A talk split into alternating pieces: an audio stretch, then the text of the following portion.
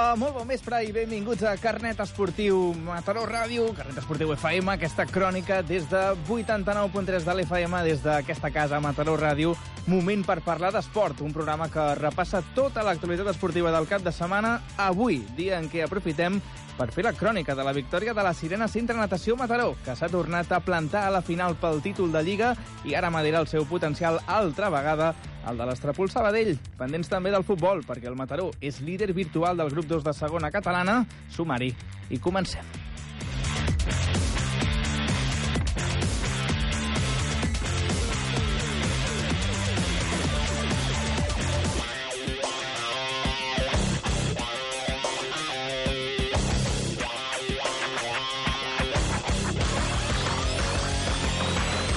Començarem el programa d'aquest dilluns 8 de maig a l'aigua, repassant l'última hora de la Sirena Centre Natació Mataró, i és que les noies de Florin Bonca no van fer servir cap comodí, eh? van eliminar el Sant Andreu en els dos partits, una victòria que vam poder veure també dissabte en directe des d'aquesta casa i que avui us expliquem. Temps també pel futbol en la recta final de segona catalana. Queden 3 partits, 9 punts en joc i el Club Esportiu Mataró va passar per sobre el Campí per fer-se amb els 3 punts importantíssims que ara mateix el deixen líder virtual perquè la grama no va acabar jugant el seu partit. Eh? Parlarem també de la victòria del Cirera, que encara no està salvat.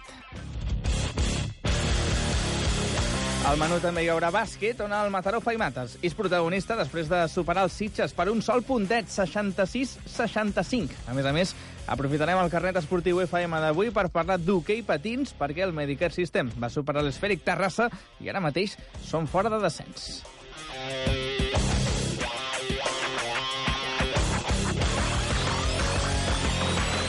I tancarem amb handbol amb l'última jornada del sènior masculí, també la prèvia d'aquestes fases d'ascens a plata del proper cap de setmana, passant per la Copa Catalunya i, com sempre, la secció poliesportiva. Nosaltres, amb tot preparat, comencem.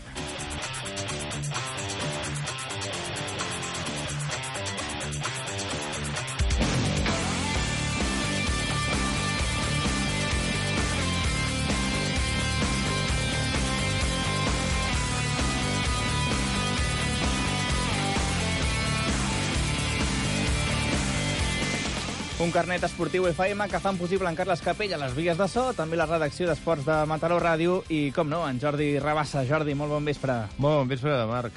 Un eh, cap de setmana emocionantíssim aquest que hem passat, sobretot pendents del waterpolo, també del bàsquet i amb bones notícies, a més a més. Sí, i, i farcida d'esdeveniments, que a més a més és el pròleg del que ve aquesta setmana, perquè serà un, un no parar, no?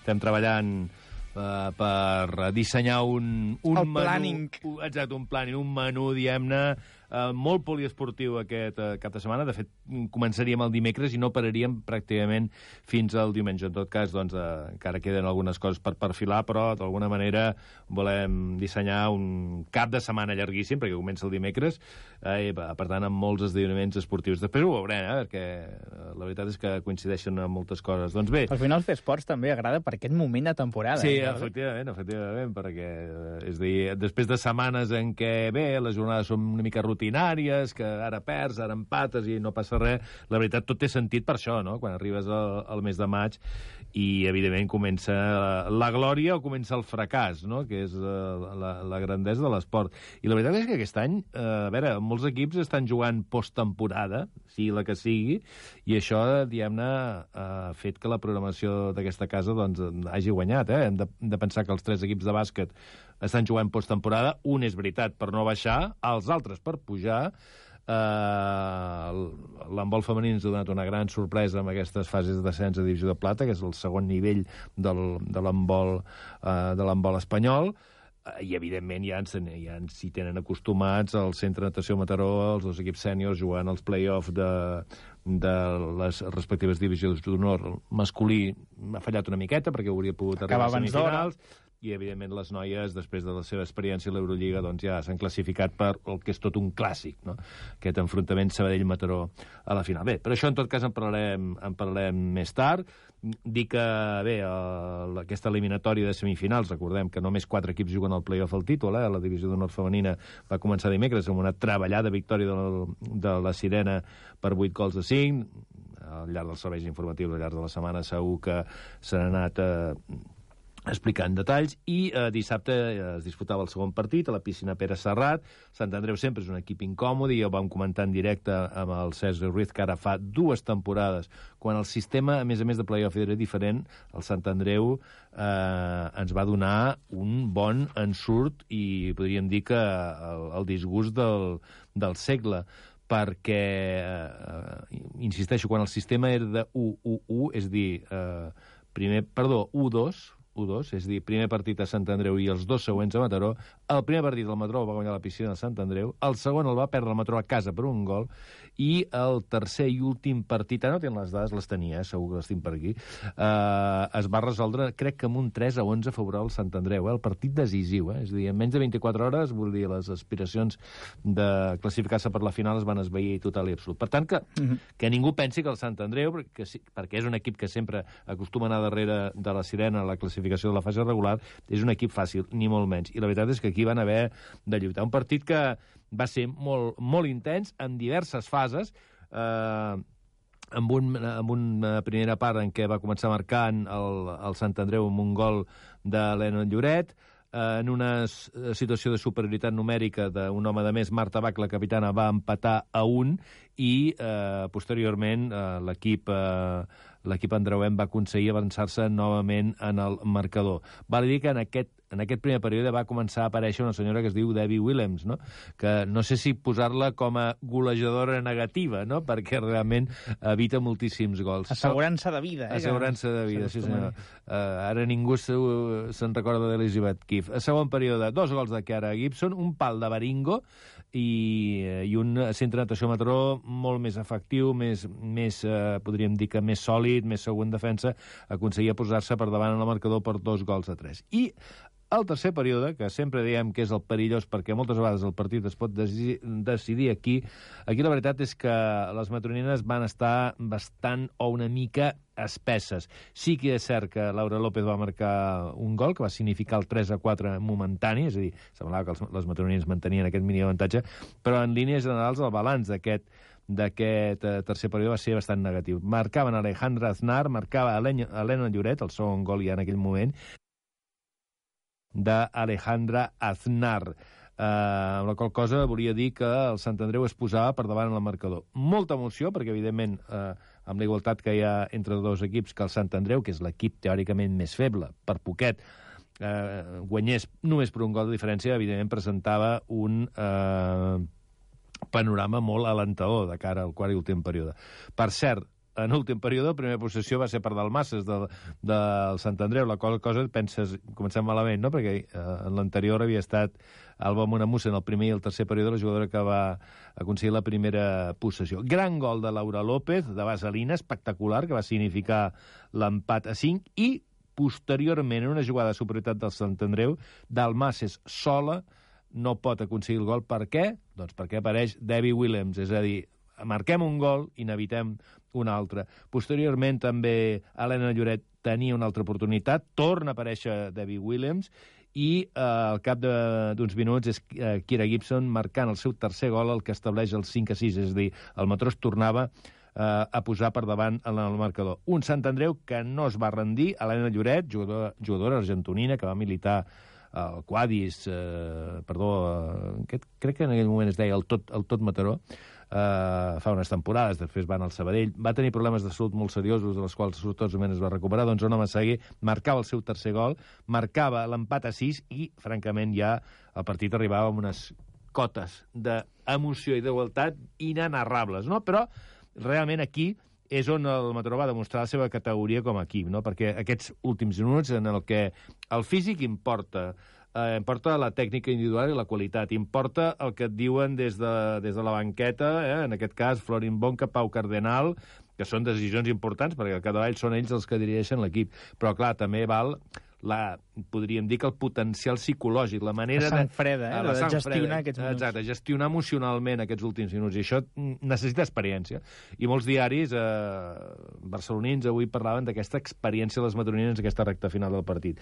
Realment sublims. Williams, una parada més, i um, crec que em, em va fer 4 o 5 entre el tercer i el quart període, aturades de mèrit, eh? narrades especialment per al nostre company Sergi Ruiz, i en la i en la, en la recta final del partit, doncs, gols d'Ona Massaguer, marcava Marta Bach el seu segon gol i eh, acabava de rodonir eh, Chiara Gibson marcant d'aquesta manera el definitiu 6 a 9. Un Mataró que en, en, en la segona part d'aquest quart i últim període va ser absolutament superior. Com dèiem, no? l'experiència va servir d'alguna cosa, eh, el rodatge de jugar a competició europea comença a tenir, podríem dir, els seus beneficis, i realment va demostrar ser un equip eh, que estava, estava una mica, una mica per sobre del, del, de la, del Club Natació Sant Andreu. Curiosament, en aquest quart període hi havia jugadores que amb trajectòries, diguem-ne, creuades, eh?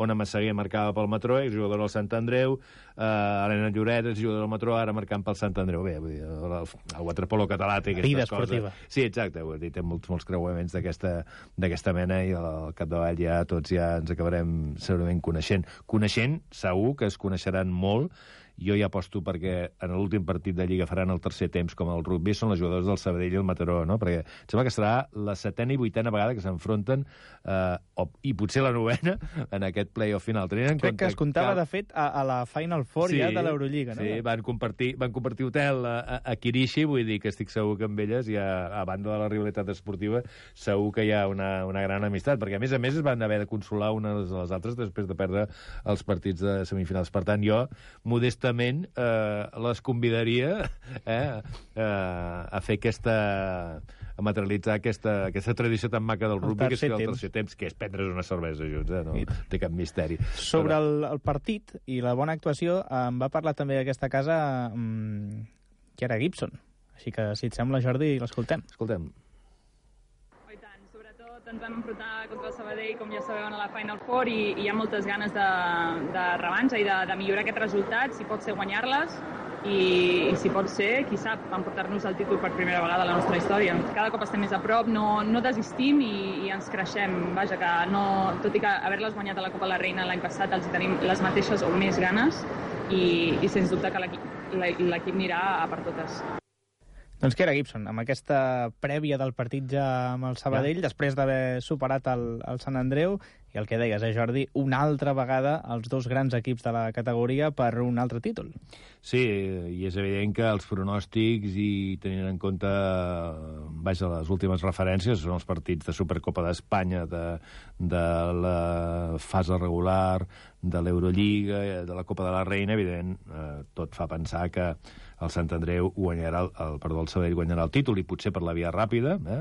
guanyant els dos, primers, els dos primers partits dimecres a Sabadell i divendres aquí a la, la Joan Serra, però bé, eh, com tot, cada vegada que en el món de l'esport es produeix un canvi d'hegemonia, eh, dos dies abans tothom pensa que no passarà res, no? però potser eh, acaba saltant la sorpresa. De fet, ja va saltar la sorpresa a la final de la Copa de la Reina l'any passat, i a més a més a, Sabadell. És evident que en un play-off a tres partits la, el maig de les sorpreses és, més, és, és bastant més complicat, sobretot quan tens antecedents tan recents, és a dir, han de canviar És que molt les de fet dos coses, partits perfectes. No? Exacte, han de canviar. I que el Sabadell no tingui tant al dia, no? En Això és dos una, partits. Jo crec que és una cosa que li he sentit dir a més d'un entrenador i a més d'una jugadora de, de la Sirena Centre de Natació Mataró. Jo penso que el primer que li vaig sentir va ser Vicenç Tarrés, l'anterior entrenador, deia és que per guanyar el Sabadell has de fer dues coses.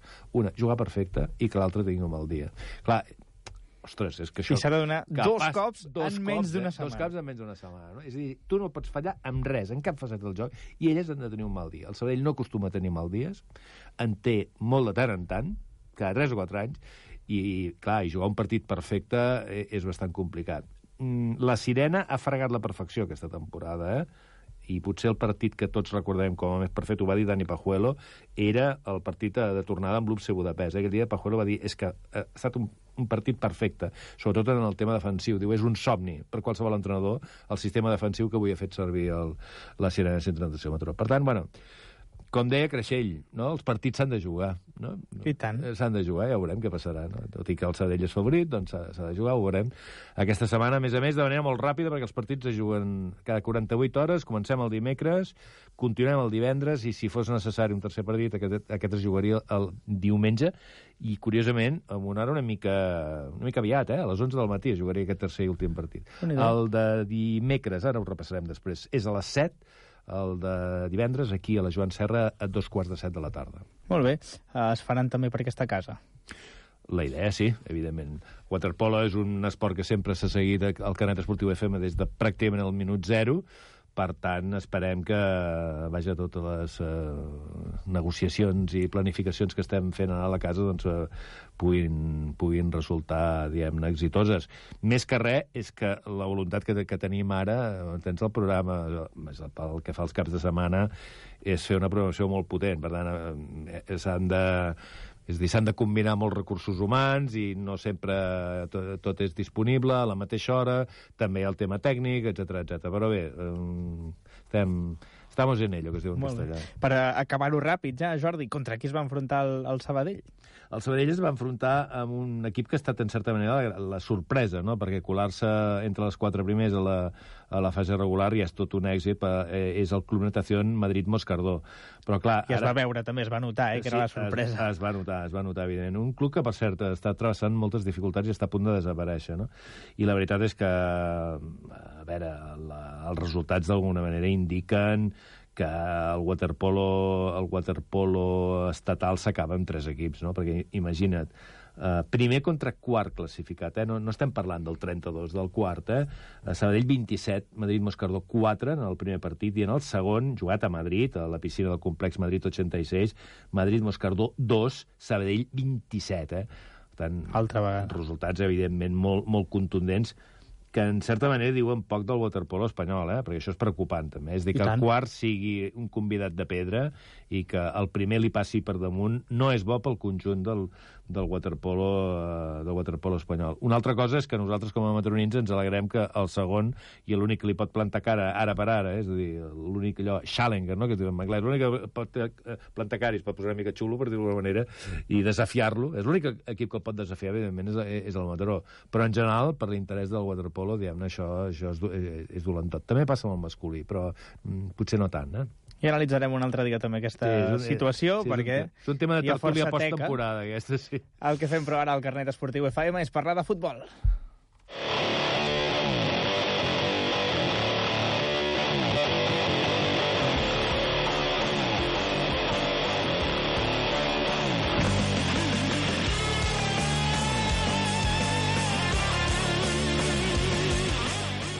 I és que el Club Esportiu Mataró va fer una golejada històrica. Per primera vegada va clavar un 0-8 fora de casa Jordi, i a més a més es col·loca líder virtual. Sí, eh, a veure, era un partit, podríem dir, d'aquells en què la victòria era absolutament necessària. No hi havia pla, pla B, eh, perquè, evidentment, l'equip matoní s'enfrontava eh, el cué de la classificació, l'esportiu Jovent Campí de l'Hospitalet, un equip que... I ha descendit, no? Que sí, evidentment, ha aconseguit eh, en les eh, 31 jornades disputades, ha aconseguit un total només de 18 punts, són 4 partits guanyats, 6, derrot 6 empats i 21 derrotes. Un equip que ja ha encaixat 99 gols i només n'ha marcat 40. Per tant, era, en certa manera, la, la ventafocs de la, de la categoria. De fet, ja ha, ha baixat perquè eh, té 15 punts de diferència amb el Badia del Vallès, que és el primer equip que baixa, per tant, és absolutament, absolutament impossible. Podria guanyar un, un lloc a la classificació, però bé, a, a costa del Carmel, però evidentment... No serviria de res. Per tant, evidentment, el Matró jugava contra un equip, diguem-ne, d'una categoria molt, molt, molt inferior i el que és, eh, i a més a més, eh, molt desmotivat, lògicament, no? A més a més, va, va patir una expulsió eh, molt, molt aviat i baixa, el Mataró el partit no té massa història si no és la dels gols que va marcar l'equip, allò feia el 0-1 al minut 19, en el 29 Rodi feia el 0-2, en, el, en el 44 Sergio López el 0-3, ja a la segona part Bustos de penal feia el 0-4 en el 64, en el 79 Rodri marcava el seu segon gol i feia el 0-5, el 79, com dèiem, en el 81 Aitor marcava el 0-6, això, eh, aquest resultat eh, igualava el rècord històric del Matró de golejades fora de casa seva. En el 84 Riqui feia el 0-7 i Rodri en el 86 feia el 0-8. Pràcticament, com veiem, reguitzell de gols i poca història, perquè no n'hi va haver, no? un Matró totalment superior. Un Matró que ara mateix recupera el liderat momentàniament i, i aquí sí que he de demanar disculpes als nostres oients perquè eh, al llarg de l'edició de Canet Esportiu FM d'ahir vaig dir una cosa que no és certa, i era que la Fundació Esportiva Grama havia empatat el camp del Martinenc, era la Guinaueta. I em, em vaig confondre i, i llavors em, el, clar, vaig fer uns càlculs que no eren, que no eren erronis. El que sí que és veritat és que el Mataró ha recuperat el liderat, però no perquè la grama hagués empatat al camp del Martinenc, sinó perquè el seu partit contra el Besòs es va ajornar. Uh -huh. I, per tant, eh, en moments determinats vaig dir que Mataró 62, grama 62, líder el Mataró per gol a veres particular, no és cert. Mataró és líder amb 62 punts, seguit del grama en 61, però amb un partit menys que no pas als groc i negres. Per tant... Un partit gens fàcil, per cert, per ell. No? Eh, Sí, eh, la veritat és que ara aquí passa una mica com el Barça i el Madrid, eh? Vull dir, perquè ara tens un rival que tens un partit, té un partit menys. Llavors sembla que tingui com una carta amagada sota la mà. La qual cosa, la competició queda com una mica distorsionada. Si em permets ràpidament, sí. eh, diria que eh, al Mataró en, li queden tres partits, un d'ells, eh, eh, francament, difícil. Eh, si venem els dos equips. Mira, jornada 32, proper diumenge dia 14, Fundació Esportiva Grama, Badia. Relativament senzill. Eh, Mataró, Martinenc B, partit assequible, però sense despistar-se. Jornada 33, el 21 de maig, la Fundació Esportiva Grama contra Unificació Llefià. Complicat, sobretot si el Llefià encara tingués, Si tingués alguna opció. opció. Si tingués, eh? Però en tot cas no és un rival fàcil, eh? Bé, I si no en tingués, també, suposo, per honor. Sí, perquè sí. ell ja ha fet una bona temporada. Exacte, per tant, vull dir, per ell serà també una manera, podríem dir, que mm, honrosa d'acabar la temporada. I, atenció, perquè el Mataró ho té molt complicat, eh, el dia 21 de maig, 12 del migdia, camp municipal del Sidera, Sidera Mataró, un partit que pot ser dramàtic, dramàtic, eh? perquè el Sidera no està clar que es pugui, que es pugui salvar, o que s'hagi salvat en aquell moment, Uh, suposo que ho sabrà a l'última jornada de Lliga i el Mataró, evidentment, s'hi juga, uh, evidentment, com a mínim al primer lloc. Esperem que no s'hi jugui el segon, que encara seria més dramàtic, no? I per acabar la, la Lliga, uh, a la grama visita el camp del Lloreda, rival assequible però camp complicat, com tots els de Badalona, mentre que el Mataró tindrà un partit molt fàcil a casa, en teoria, contra el Carmel. Dic en teoria, perquè la primera, a la primera volta eh, el Mataró no va poder passar de l'empat al camp del Carmel. Mm -hmm. Per tant, aquesta és la situació molt, molt, molt ràpida eh, de com està aquest grup segon de segona catalana. De moment, Uh, avui de maig, som avui, sí. el Mataró és líder, encara que a la Fundació Esportiva Grama ha disputat un partit menys. Doncs ràpidament, Jordi, repassem eh, eh, aquesta jornada i la classificació. Ho has fet, explicat molt bé, així que anem ja directament cap a tercera. També hi havia partits interessants. Sí, uh, dic que també en aquesta segona catalana el Cirera va, va, Correcte, va aconseguir una Cirera. victòria important, eh? va guanyar per 1 a 0 a, l'Europa B amb un gol marcat per Aleix Tarrés a, al minut 40 i la veritat un, un partit en què els, els madurins van tenir potser més, eh, més oportunitats que el rival i francament una victòria que de moment els permet respirar. No obstant, tal com està la, la classificació, està en el lloc aquell de descensos i ascensos no compensats, eh, en aquest moment baixaria, eh, perquè és l'equip de la zona de Barcelona amb pitjor puntuació. Falten tres jornades, 9 punts, i té, eh, podríem dir que eh, al seu abast, eh, el Martinenc B, 34 punts. La qual cosa que vol dir, atenció a aquest partit Mataró-Martinenc B, Exacte. perquè el Mataró, diguem-ne, li podria fer un gran favor al Cirera eh, la, propera, la propera setmana. Ràpidament, pel que fa a tercera catalana, també es disputava la jornada número 31 i l'únic equip que va guanyar potser és el que estava una mica més necessitat. Cada vegada menys, eh? que va ser el Pla d'Embuet, que guanyava el Singerlin per 3 gols a 2. El gol del triomf va marcar Valle. Uh, la Llàntia perdia el camp del Cabrera per dos gols a un, perdia també la Matronesa en la seva visita a Arenys de Mar per tres gols a un, i el Molins a casa perdia contra el Turó de la Peira per tres gols a cinc. Després de 31 jornades, el millor equip matoronès és el Molins, sisè amb 54 punts, setè és la Llàntia amb 47, desè Matronès amb 41 i onzè Pla d'Embuet amb 38. Queden tres jornades, el Pla d'Embuet té 38, el primer equip que baixaria és el Cabrera amb 29, són 9 punts, eh, amb un punt més doncs, en, en tindria prou per assegurar-se matemàticament la, la permanència. Compte, no obstant, que hi ha aquesta setzena posició també de descensos i ascensos no compensats, Vilassar de Dalt amb 32 punts.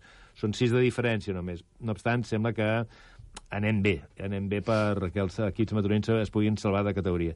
I per acabar el bloc de futbol, Lliga Nacional Juvenil, jornada setena, la jornada 32, en queden dos més per acabar, des, eh, decebedora derrota del Mataró al camp del Josep Maria Gené, equip que és el penúltim classificat per 5 gols a 0. Atenció perquè el Mataró és 15 i si comencem a fer números no té la permanència assegurada. de fet, eh? jugava bona part d'aquesta permanència Ah, exacte. I en la aquesta veritat és que el derrota. 5 a 0 no no és massa, no invita massa a l'optimisme. Però bé, queden dues jornades, el campionat acabarà el dia 21 de maig i veurem doncs, si en, aquesta, en aquests 180 minuts que queden de campionat el Mataró aconsegueix eh, els punts necessaris per salvar-se.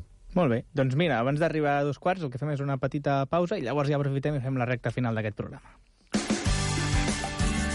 Mataró Ràdio. 10 anys amb tu. Viu amb nosaltres l'onzena temporada de Mataró Ràdio.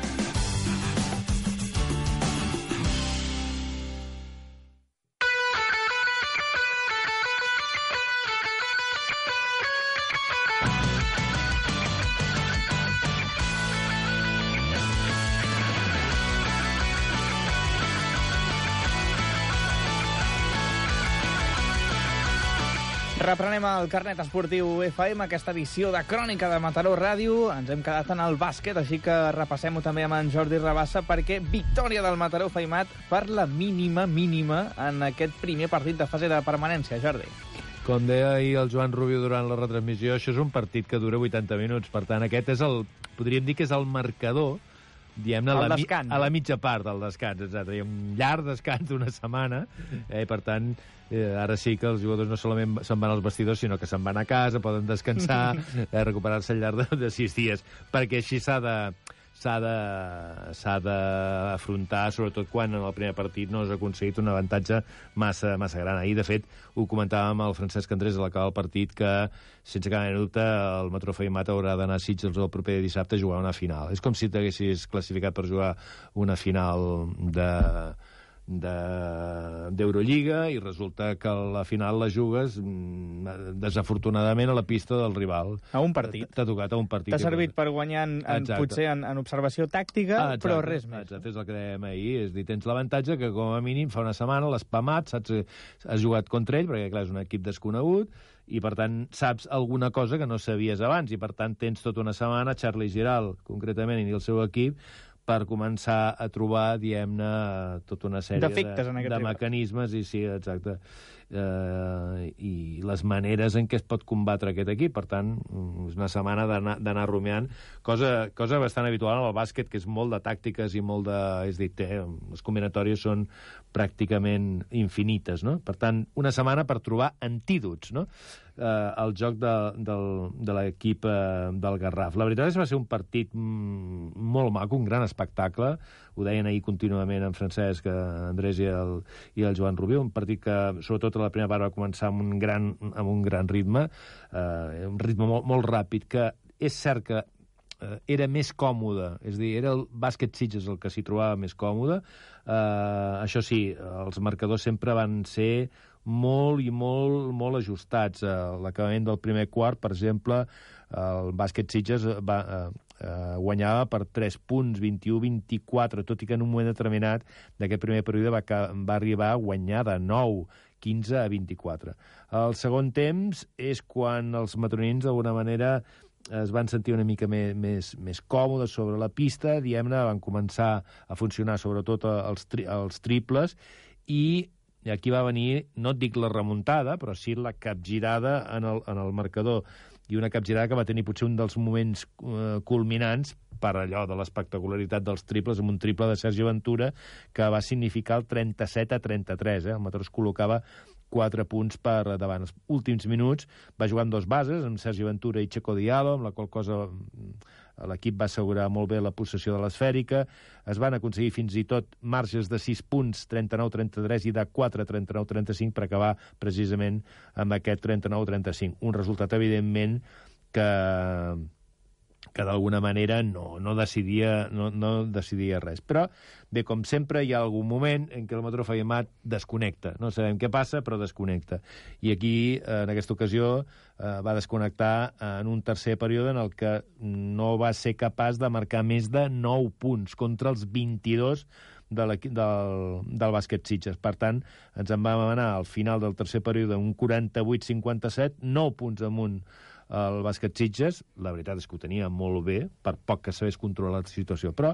Reacció, eh, Però aquest equip matrofeimat, el que dèiem, de vegades es Capaç del millor i del pitjor. De vegades desendolla i de vegades s'endolla, i quan s'endolla, doncs, eh, deu posar la corrent... Eh, no 220, sinó el doble, i a més a més no s'enrampa, eh? eh valgui, la, l'acudit, no? I la veritat és que mm, va, va costar, eh? Per marcadors de 51-57, 54-59, 57-59, un altre triple, en un moment, en un moment d'aquells també de, eufòrics d'eufòria col·lectiva, i finalment eh, pensa que a 3-24 l'equip perdia de 3, 57-60, però els últims minuts, diguem-ne, van ser realment emocionants. 59-63 minuts, 62-60 a 19-59 amb un triple d'Ariño.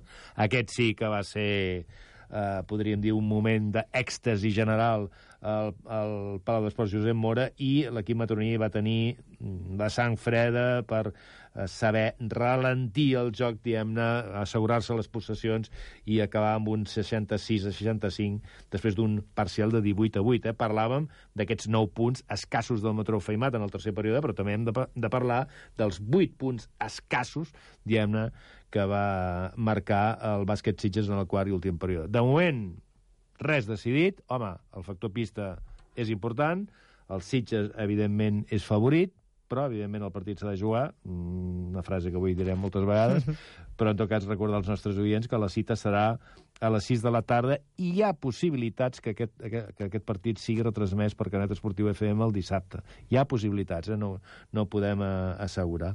I al final de la vetllada, doncs, eh, tu pots... Aquest era l'últim partit a casa de la temporada. Doncs al final de la vetllada ja tu pots imaginar tota la gent aplaudint, el conjunt... Eh, enmig de la pista i per la megafonia sonant el que s'està convertint en l'himne del Metro Feynman, no? allò que diu què passarà, eh, què misterio habrá, esta puede ser, esta puede ser mi gran noche, no? Que sembla eh, aquesta cançó antiga, antiquíssima de Rafael, que s'ha convertit de manera espontània um, amb l'himne i que ja ha incorporat a les bromes ja que, que fem des de, des de la pista del Palau d'Esports de Josep Mora i des d'aquí del locutori Ivan Llença. Molt bé, viurem pendents d'aquest eh, conjunt mantaloní, aquest Faimat, que haurà de salvar-se el Garraf com una autèntica final.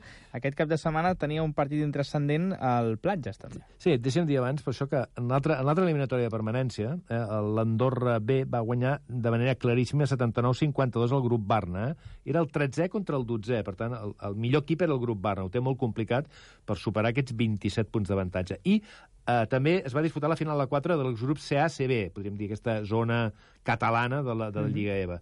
Final a 4, el Martorell guanyava el Pardinyes i el Recanvis Gaudí Mollet guanyava, perdó, el Calvià guanyava el Recanvis Gaudí Mollet a les semifinals i la final disputada ahir diumenge, la victòria va ser pel Martorell sobre el Calvià per 80-77. Dos equips del grup del Mataró. Per tant, el Martorell, guanyador de la fase regular, també es proclama campió, diguem-ne, d'aquesta zona CA-CB eh, suposo que això li, li permet també l'ascens de, de categoria. I sí, eh, les noies eh, jugaven un partit absolutament intrascendent a la pista del Jai, ja s'havien classificat per jugar a la final a 4, i la veritat és que el partit, diguem-ne, la intrascendència es va notar. Moltes júniors, la, la plantilla està preparant aquesta final a 4, sobretot el primer partit contra el Barça CBS dissabte, partit decisiu perquè si es guanya i es juga la final s'assegura l'ascens la, a Lliga Femenina 2, Uh, bé, partit bastant igualat en, la, en, els primers, en els primers períodes, uh, més iniciativa de les locals en els primers minuts, reacció mataronina per arribar al descans amb un mínim avantatge de les gironines, 28 a 27. Més igualat, més, més, més igualat al tercer període, empat a 44, i finalment, el quart i últim període, aquí al Platges de Mataró ja podríem dir que va llançar la tovallola, la intensitat local va ser total i absolutiva, van passar, podríem dir, per damunt de les mataronines per arribar amb un 68-53, 15 punts de diferència, a destacar els 17 punts de Cador, el 16 de Butler i un equip que podríem dir que ja està afilant les armes, els ganivets, dic en sentit metafòric i esportiu i innocent, de cara a aquesta final a 4. En teoria, eh, els enfrontaments haurien de ser primer contra quart, és a dir, Barça, CBS, Platges de Metró, segon contra tercer, Bàsquet Almeda i Cerdanyola. Els guanyadors de les semifinals pugen de categoria i la final, doncs, el que decideix és el guanyador, el campió de la Copa Catalunya femenina de, de bàsquet. I també a la Copa Catalunya masculina Aquesta setmana no hi havia competició, s'havia acabat la fase regular la setmana anterior, però sí que n'hi haurà els dos propers caps de setmana. Es juguen els quarts de final de la Copa Catalunya masculina. Partit d'anada 13 de maig, serà eh, proper dissabte a les 6, secció esportiva Santa Eulàlia, el CC, contra el Metró Parc Buet. La tornada el dissabte dia 20 a un quart de vuit del vespre aquí al pavelló Eusei Millan. Qui guanyi jugarà a la final a 4, i a la final a 4, com passa a la Copa Catalunya masculina, els que guanyen les semifinals pugen, ja s'asseguren l'ascens i a la final es disputa el títol de campió de la Copa Catalunya masculina. Per tant, eh, si tot surt bé, aquests dos propers dissabtes creuem els dits, toquem fusta, fem el que faci falta, podríem tenir dos equips matronins a la Lliga EVA la propera temporada, el Metró Feimat i el Metró Parbuet, en la qual cosa tornarien, diem-ne, els derbis eh, de de realment intensíssim, intensíssims i emocionants que hem tingut a les últimes temporades, a més a més, amb, amb alguna polèmica, no? com aquella famosa salutació militar de forcada a l'afició del Feimat, cosa que va encendre els ànims, va ser expulsat, i que, bé, eh, porta molta, molta, molta cua. Bé, això també ajuda a fer una mica a bullir l'olla. I tant que sí, anècdotes. Nosaltres seguim. Ara parlem d'hoquei patins.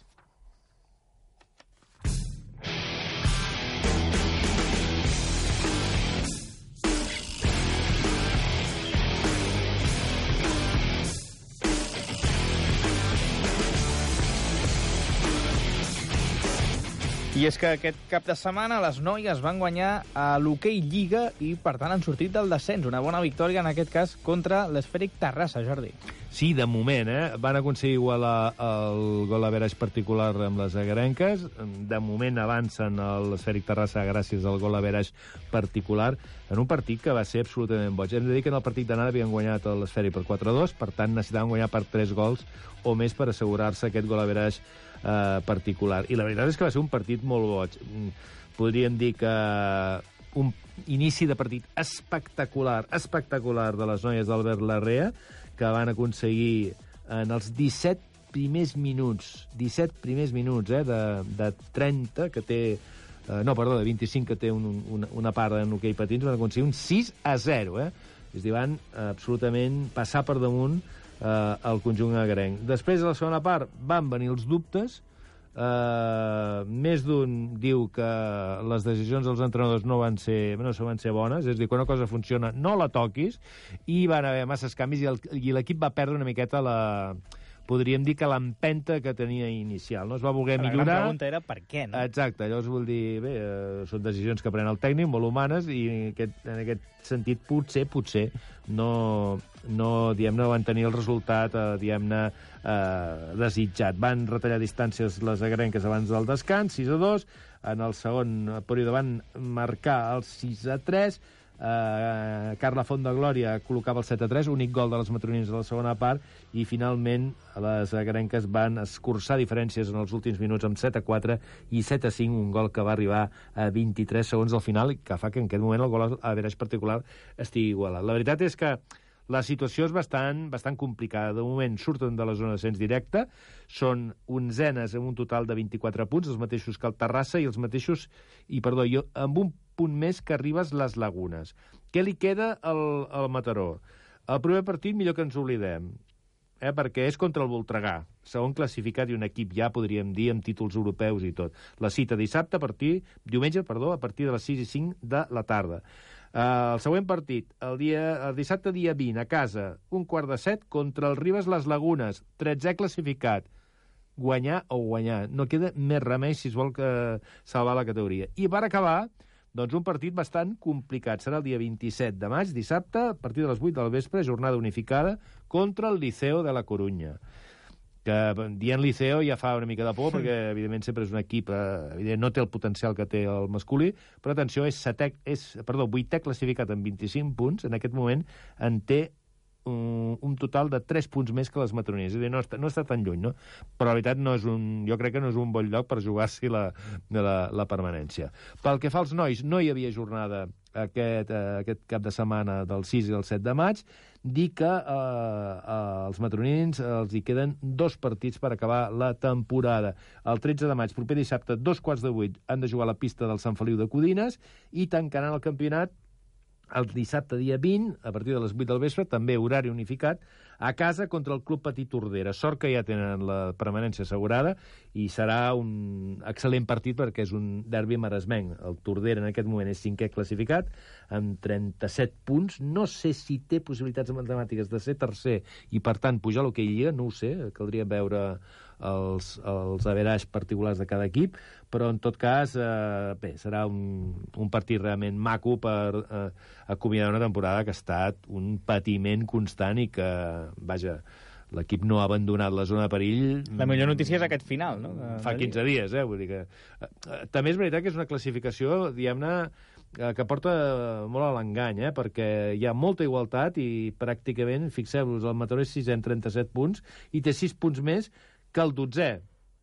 que el 12è, eh? el antepenúltim, que és equip, un equip que baixaria. I, en canvi, està a 4 punts del tercer, que és l'Astur Hockey, un equip que ara mateix pujaria.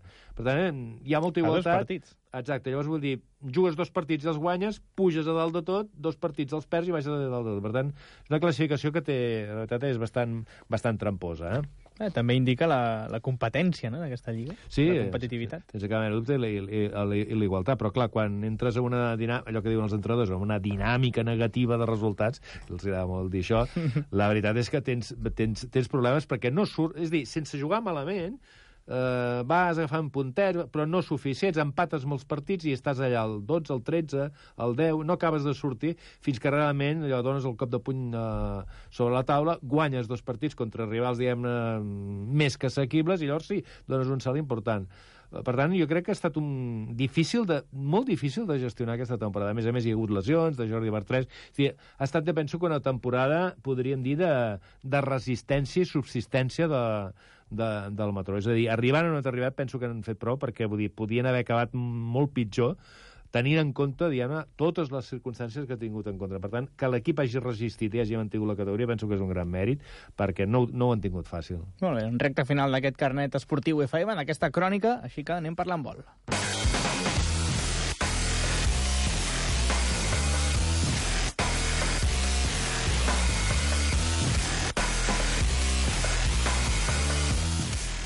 Un cap de setmana que servia per eh, tancar la Lliga del sènior masculí i, a més a més, també pendents de les noies, més enllà d'aquesta fase d'ascens a plata, perquè tenien un partit per preparar-la prou important a la Copa Catalunya.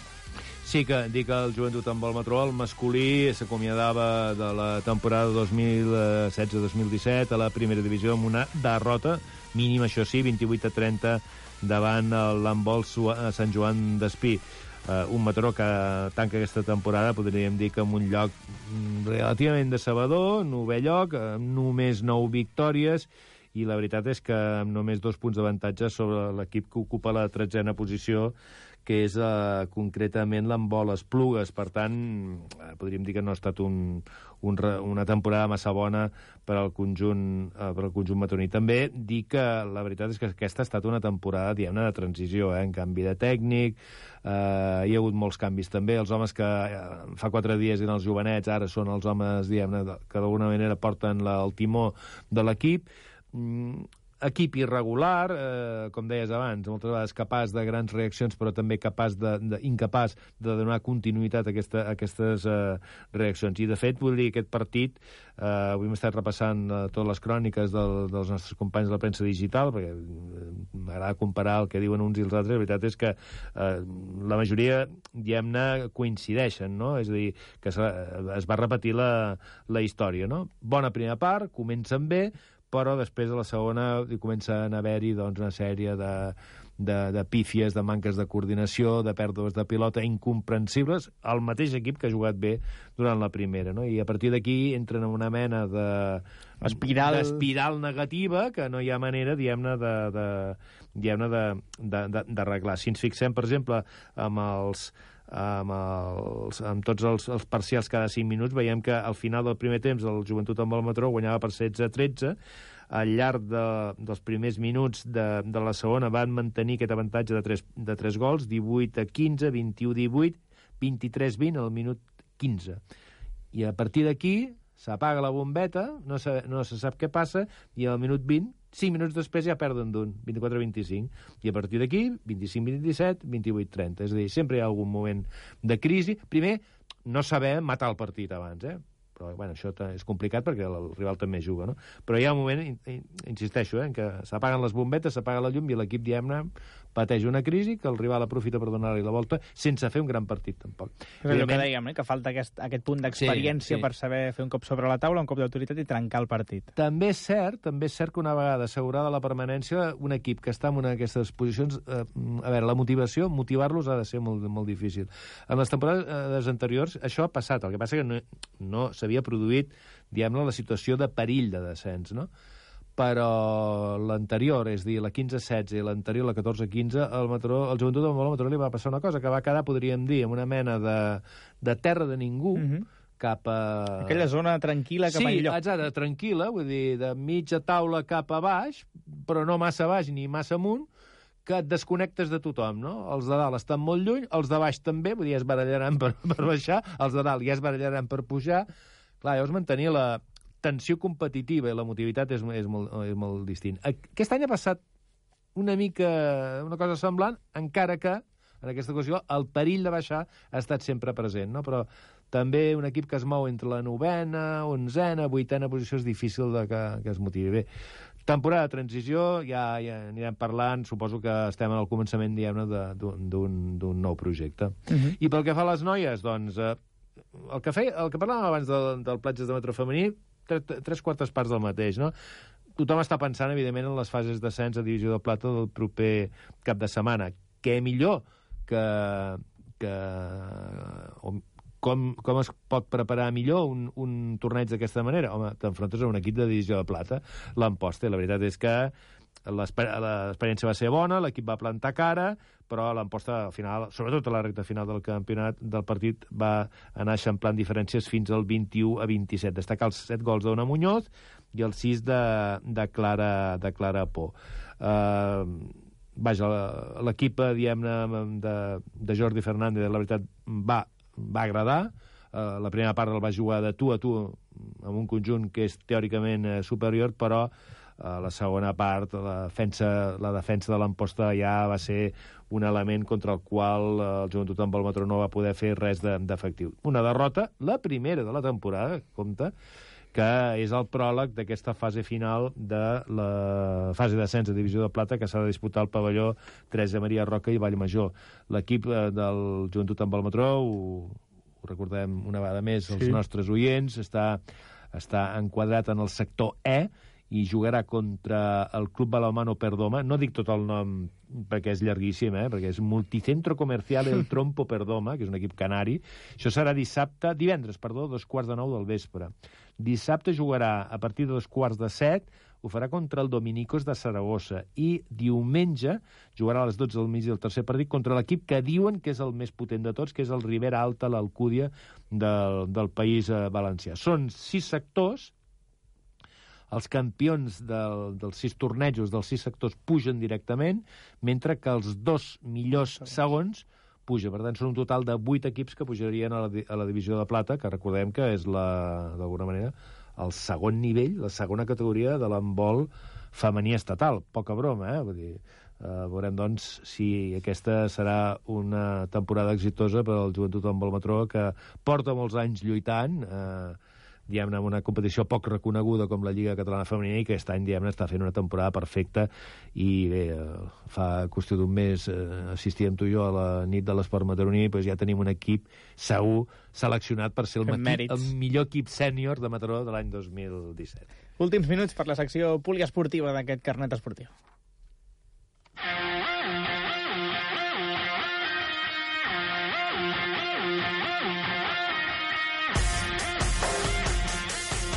Un cap de setmana, Jordi, amb protagonisme també per natació i sincronitzada. Sí, a més a més, per partida doble es disputava Cuneo Itàlia la Copa d'Europa de natació sincronitzada, evidentment prova bàsicament per equips, i en el que hi participava la mataronina Berta Ferrer. Va aconseguir un total de quatre medalles. Uh, dues formant parella amb Pau Ribas en la modalitat de duet mix lliure i duet mix eh, tigna, eh, tècnic, eh, rutina tècnica o rutina lliure. Dues medalles de plata. Pel que fa a la prova de per equips, també una de plata i una altra de bronze, eh, també amb rutina lliure i també en rutina tècnica. No s'acaba aquí la natació perquè en el complex esportiu Joan Serra i Puigdescens s'ha disputat la Copa d'Espanya de segona divisió. Victòria per al Torrot Centre Natació Mataró, que va aconseguir guanyar amb un total de 828 punts per davant del SEC, el Sant Estanislau de Cosca de Madrid, amb 771 i del Guecho del País Basc amb un total de 720. Competien un total de 21 clubs procedents de, de tota la geografia espanyola. A nivell individual, doncs, destacar els tres triomfs aconseguits per Martí Penedès, 200 metres eh, lliures, perdó, 200 i 400 estils, també va guanyar els 1.500 lliures, dos victòries de Guillem Pujol, els 200 lliures i els 200 papallona, dues, de, dues victòries de Fernando Morillo en, les dues proves, en dues de les tres proves de braça, 50 i 200 braça, i una d'Adrián González en els 400 lliures, a més a més també de victòria en els 4 per 200 eh, lliures. Evidentment, hi van haver altres classificacions també importants, el cinquè lloc del veteraníssim Roger Rabassa, res, res eh, relacionat amb mi, res, amb una marca de 16, 28, 83, un home que ara s'ha passat a les, a les aigües, a, a aigües obertes i, eh, i amb, molt, amb molt bon, la veritat, amb molt bones, eh, molt bones sensacions. Eh? Bé, en tot cas, una, una gran victòria i fa que ara els dos equips, diem-ne, sènior del Centre d'Atenció Matró es trobin a la màxima categoria de la Copa d'Espanya. Dic que en tenis taula no hi ha hagut competició aquest cap de setmana, però el proper a València, al pavelló Fuente San Luis, es disputarà la fase de Superdivisió masculina. De moment, el Mataró té... Eh, emparaulat, podríem dir, un partit contra l'Otero Cambado. Serà el dissabte a partir de les 10 del matí. Si guanya, si guanya, s'haurà d'enfrontar el guanyador del encontre, que es disputarà també el dissabte a les 10, entre l'Helios i el Collado Mediano. I si guanya, eh, o sigui que ho té bastant complicat, s'enfrontaria el perdedor del duel entre els dos caps de sèrie, que són el Mediterrani de València i el Vilagarcía. déu nhi Eh? Sigui, per tant, el perdedor del Mediterrani Vila García, aquest es juga, es juga l'ascens de categoria contra l'equip que hagi superat aquestes, aquests dos partits, eh, diguem-ne, previs. Per tant, de moment, primer partit, anem a PAMS, dissabte, dia 13, a les 10 del matí, Otero Cambados, Quadis, Centre Natació Matró. Les noies ja van acabar la competició fa temps i van ser finalment eh, setenes a la primera nacional femenina, concretament en el grup tercer. Pel que fa a futbol sala, doncs eh, hi va haver una mica de tot aquest cap de setmana. El futsal a Aliança Matró empatava a casa contra l'Arrels a 5 gols. Queden 3 jornades per acabar el campionat i manté el liderat amb 63 punts, però atenció, empatat amb el Canet, també amb 63, déu nhi el duel d'aquests dos equips al llarg de la temporada 2016-2017. A la divisió d'honor, grup primer, jornada 23, de 26, en queden 3 per acabar el campionat i el Ciutat de Matró guanyava fàcil el Premi de Dalt per 6 gols a 2. Els matronins són tercers amb 44 punts. Eh, amb una mica de sort podrien assolir eh, la segona posició, però no la primera. I en hoquei herba acabava la temporada, la fase de permanència primera divisió masculina, derrota del Liluru Hockey Club masculí al camp del Rimes, 4-2. Liluru acaba setè, amb un total de 12 punts. No tinc clar que mantingui la categoria, una cosa que haurem d'investigar. Sembla que sí, mentre que la segona divisió femenina l'Iluru masculí s'enfrontava també al Rimes, però les noies guanyaven.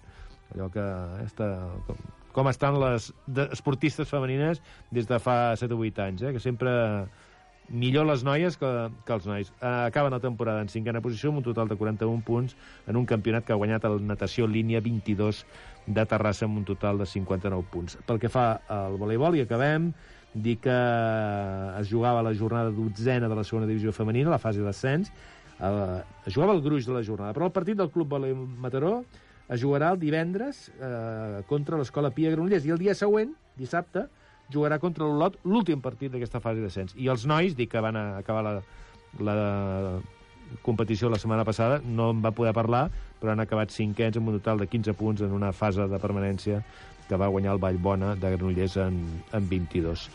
I pràcticament ja ens podem acomiadar perquè estem ja a punt d'arribar a les 9 del vespre. I tant, doncs moltes gràcies, Jordi. També a la redacció d'Esports de Mataró Ràdio i en Carles Capella. Que vagi molt bé. Adéu-siau.